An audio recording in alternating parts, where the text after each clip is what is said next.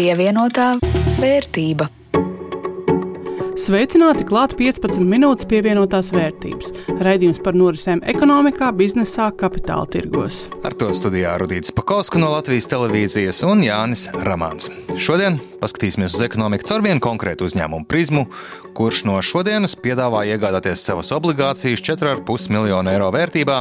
Uzņēmuma, kurš savā ziņā atkarīgs no tā, vai citas nozares, ko dara vai ne, un kā tām veicas, kurš līderis vietējā tirgu, bet nopietni raugās arī konkurēt Skandināvijā. Un, protams, kā ierasts, ieskatīsimies arī norisēs Baltijas biržā un arī savos ieguldījumu portfeļos.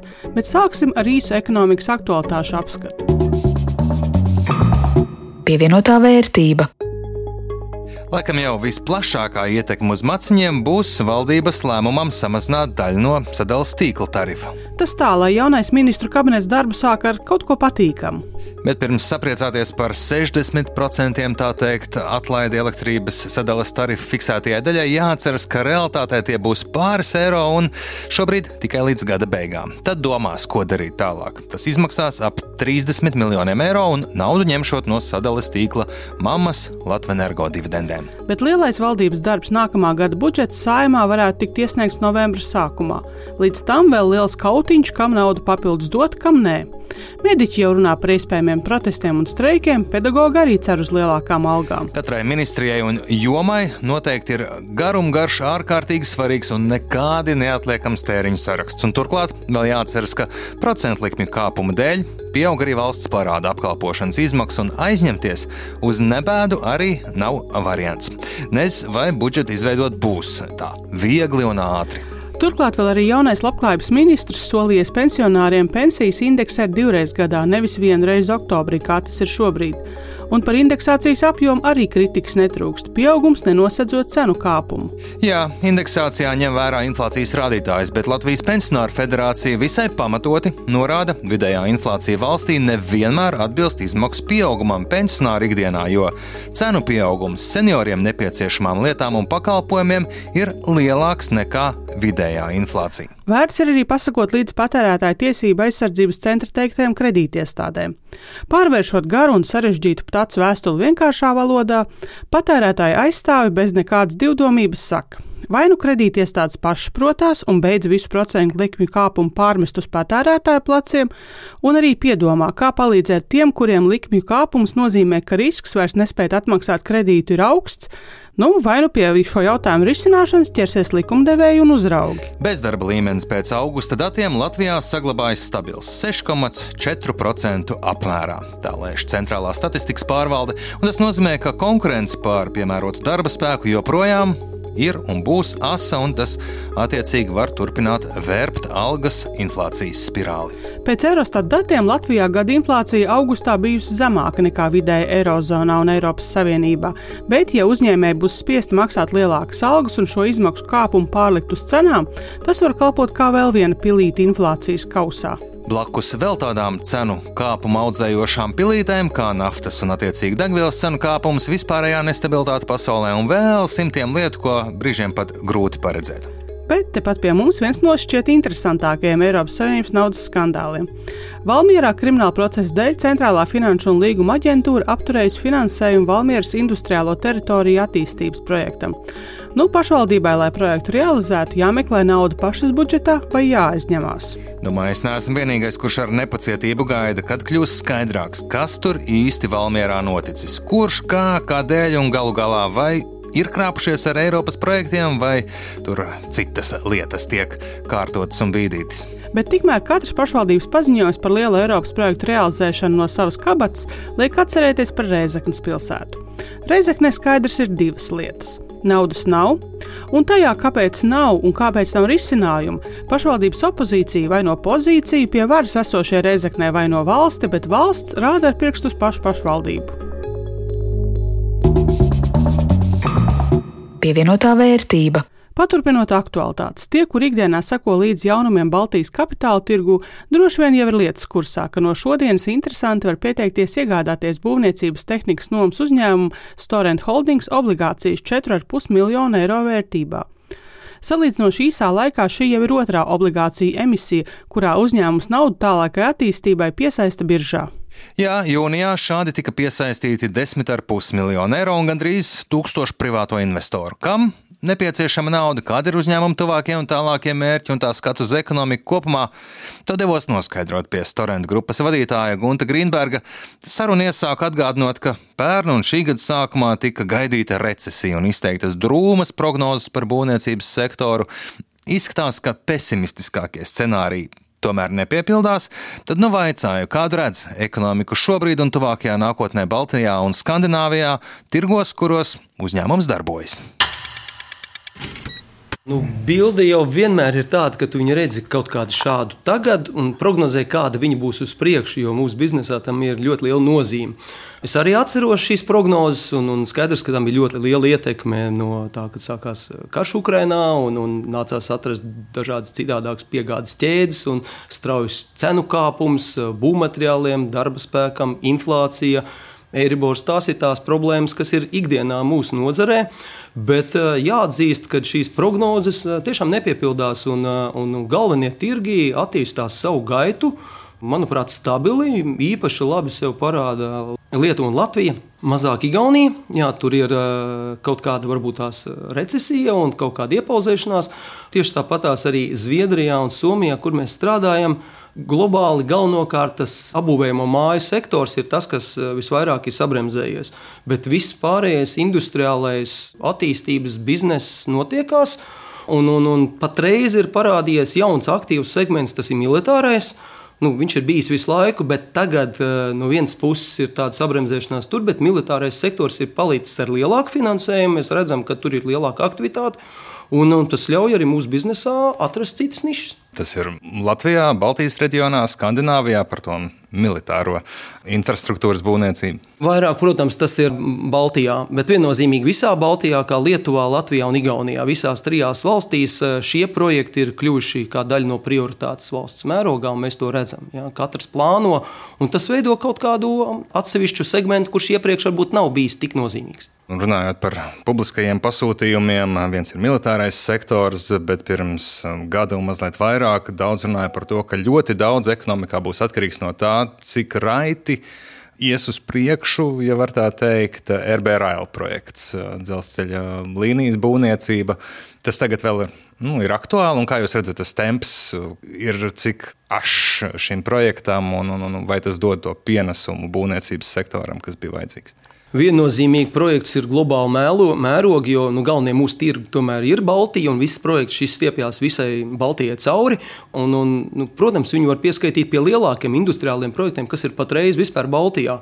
Un, ja skatāmies tieši no mūsu puses, tad tieši tagad sākās tā fāze, visvairāk, kura mums interesē. Jo, kad notiek sagatavošanās darbi, zemes iepirkšana, projektēšana, tāmēšana, tas nav brīdis, kad ir nepieciešama vēl tehnika. Tad, kad sākās reālie darbi, tad esam. Mēs, tie, kur ir daļa no partneriem un palīdz šos projektus realizēt. Un, uh, patreiz ir tieši tā fāze arī pienākusi, un mēs visbūtiski redzam, ka šis turpinās. Mēs redzam, ka arī turpmākie gadi tieši šis projekts palīdzēs nozarei. Globāli par ekonomiku runājot, vēl Latvijas ekonomika bija arī bažas, ka tas varētu kropļot tirgu. Būvnieki būtu aizņemti šajos publiskajos lielajos pasūtījumos, un līdz ar to teiksim, privātajam sektoram kaut ko uzbūvēt varētu būt dārgi. Šīs bažas piepildās? Es gribētu teikt, ka nē. Tāpēc, kad ja mēs skatāmies, vienmēr var atrast kaut ko, Kā rezultātā kaut kas nu, kropļosies. Tāpat tās Eiropas Savienības fondi. No vienas puses ir labi, ka mums ir atbalsts, no otras puses tas nozīmē, ka viņš ir tāds nu, kā, kad tu iedod, tad ir, kad apstājās, tā nav. Un tas nu, savā veidā veido tādus straujas kāpumus un kaut kādā brīdī kritums. Baltijas būvniecības tirgus ir pieradis pie pietiekoši lielām svārstībām, un, un tā ir tāda realitāte, kur, manuprāt, arī nu, notiek vēl joprojām. Skatoties no mūsu nomas biznesa puses, ja, šīs svārstības savā ziņā arī palīdz biznesam. Jo, ja tu nesaproti ilgtermiņā, ko tev darīt ar tehniku vai iepirkt, tad tu saproti, drošāk būs nomāni. Es tev jau nestabilāks, un jo vairāk tā nauda ir un nav, ir un nav, jo tas ir labāk jums. Savā ziņā tā ir iespēja. Nu, katrs izaicinājums ir iespēja kādam, un šeit mēs arī redzam iespēju. Protams, ir stabili, ka tu plāno, budžetē un gatavo, bet arī šādai situācijai mēs eh, pielāgojamies. Un arī nu, tad, pat, kad saka, ka būvniecības tirgus kādreiz neaug un, un, un eh, būvnieki neredz, nu, tas nozīmē, ka viņi ir piesardzīgi, neinvestē jaunā tehnikā, un tas dod iespēju nomāt. Kā ir ar to piesardzību šobrīd eh, biznesā? Jo nu, nevarētu teikt, ka mēs varam tā pilnīgi droši eh, raudzīties nākotnē, bet no līdzinājās sarunas, ko mēs esam runājuši, es skatos, ka jūs plānojat un domājat, kas potenciāli varētu nākotnē notikt, lai būtu šīm iespējām un izaicinājumiem gatavi. Kādu jūs redzat to nākotni, ko mēs eh, varam šīs gads jau vēl nedaudz ir atlicis, bet nu, teiksim, mazliet garākā laika posmā skatoties? Būvniecība vienmēr parāda kaut kādu tendence un perspektīva. Ja mēs skatāmies uz to tendenci, kāda ir tagad, tad viņš turpina augt. Un, un skaidrs, ka tie inflācijas tempi samazinās, ja, bet nu, tirgus un tas apjoms, kurš patreiz viņš tā arī turpināsies līdz gada beigām, jo vajadzēs finišēt iesāktos projektus, un mēs neredzam tur riskus. Otrs lielais jautājums ir nākošais gads. Un, ja mēs skatāmies nākošajā gadā un plānojam, kas notiks, mums nav pamatotas bažas, kāpēc tur būs kaut kāds strauji kritums.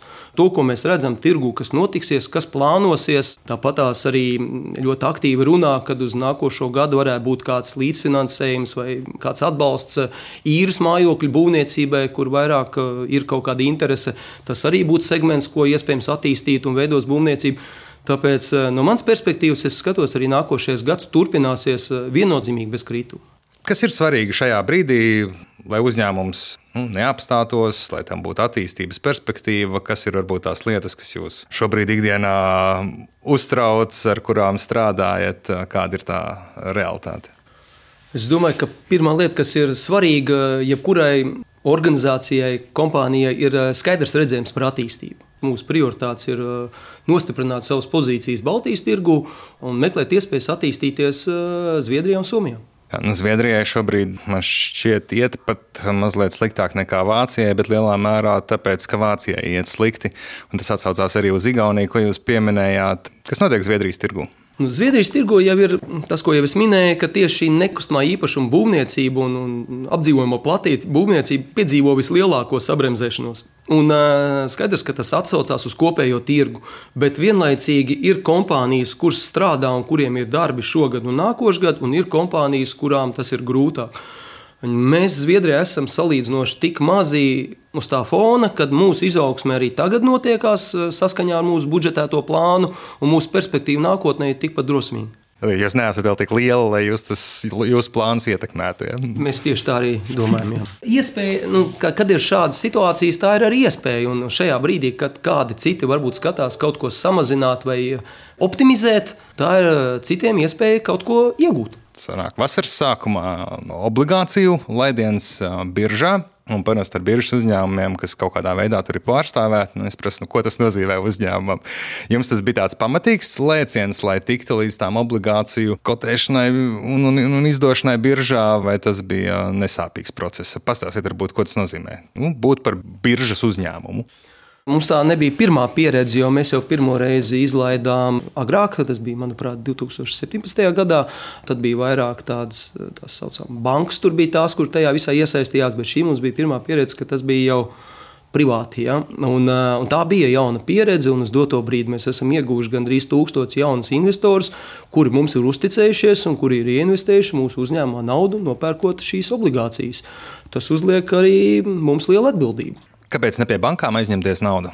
Bankas vēsturiski ir eh, ļoti labi finansētāji tādos sektoros, ko viņi labi pārzina. Tās ir nekustamais īpašums, jā, viennozīmīgi, un eh, tās ir arī mašīnas, eh, arī lielā tehnika, dažādi pacēlāji, traktora tehnika. Tur nu, banka saprot, bet tad, kad tu uz banku aizej un saki, ka es gribu nopirkt sastatnes, kurš sastāv no tūkstošiem un vienas mazas detaļas, kā LEGO Tad tā izpratnē, kā jūs viņu uzraudzīsiet, kā jūs viņu apdrošināsiet, cik tas ir droši un kā mums aprēķināt nodilumu. Un viņš, ir, viņš ir daudz sarežģītāks. Līdz ar to mūsu biznesā jau sākotnēji vienmēr bija jāmeklē kaut kādi citi finansējuma avoti, lai mēs varam attīstīties visos produktos. Un mums ir kopā 25 produkti no kuriem tikai dažus tādus lielākus saprot uh, finansētājs. Tāpēc, ejot tirgo ar šādu soli un uh, piesaistot obligācijas, nu, mēs paši varam investēt tajā, kas, ko tirgus pieprasa un kas ir, kas ir nepieciešams. Ja jūs skatāties iespēju kaut kur investēt naudu, un jums tāda ir, es viennozīmīgi ieteiktu izskatīt arī storentu iespēju, jo, manuprāt, man pašam tas ir liels lepnums, jo īpašnieks simtprocentīgi ir latvieši un kompānija ir simtprocentīgi latviešu kompānija, un uh, mēs mēģinam attīstīt biznesu starptautiski, un par to Manuprāt, vajag lepoties ikvienam latvietim tieši tāpatās kā ar mūsu sportistu panākumu, tāpatās arī ar uzņēmēju panākumiem arī vajag lepoties. Dzirdējāt interviju ar būvniecības tehnikas nomas uzņēmuma Storent grupas vadītāju Gunti Grīnbergu. Man jau šķiet, ka nevienam investoram pēdējā laikā obligāciju tirgus raisa lielāka interese un arī tādu drošības sajūtu nekā, piemēram, ieguldījumi uzņēmuma akcijās. Bet, jā, laiks ielūkoties, kas tad notiek Baltijas uzņēmumu akciju biržā. Pievienotā vērtība. Ja pasaules lielākajās biržās negatīvas tendences, tad Baltijā var teikt tāda miera osta. Kopējais Baltijas indeks augšu par nelieliem 0,63% nedēļas laikā. Bet, paskatoties atsevišķi, knapi redzams kritums Viļņas biržā par 0,05%. Mazliet vairāk mīnusos ir Rīga, mīnus 3,7%, bet zaļi un nelielos plusos ir Tallina, plus 0,23%. Nu, nezinu, gan kas tur tā Tallinai tāds zaļš vidējā temperatūrā. Man ir ap 1% mīnusā nedēļas laikā, un šobrīd portfeļa vērtība 436,20 eiro un aizvien vairāk briestu kādām izmaiņām, bet uh, nenobriestu. Varbūt jāpaskatās uz kādām obligācijām. Nu, man ar nedēļu Inetuvu nav zaļa. Mīnusi gan ir mazāki nekā tev, un šobrīd kopā portfeļa vērtība ir 445,57 eiro. Un, ja par izmaiņām, tad jāatzīst, ka obligācijas izskatās interesanti. Bet tur jārēķinās arī, ka vienas obligācijas cena bieži vien ir lielāka nekā visas mūsu pievienotās vērtības akciju portfelītes. Pievienotā vērtība. Ar to arī skan raidījums pievienotā vērtība. To jums sagatavoja Rudīts Pakausks no Latvijas televīzijas un Jānis Ramāns. Par labskanību rūpējās Kaspars Groskops. Uz tikšanos pēc nedēļas tik atgādināšu, ka šo un citus pievienotās vērtības raidījumus bieži vien garākā versijā nekā ēterā var atrast un noklausīties Latvijas radio mājaslapā, raidierakstu vietnēs, kā arī radio aplikācijā.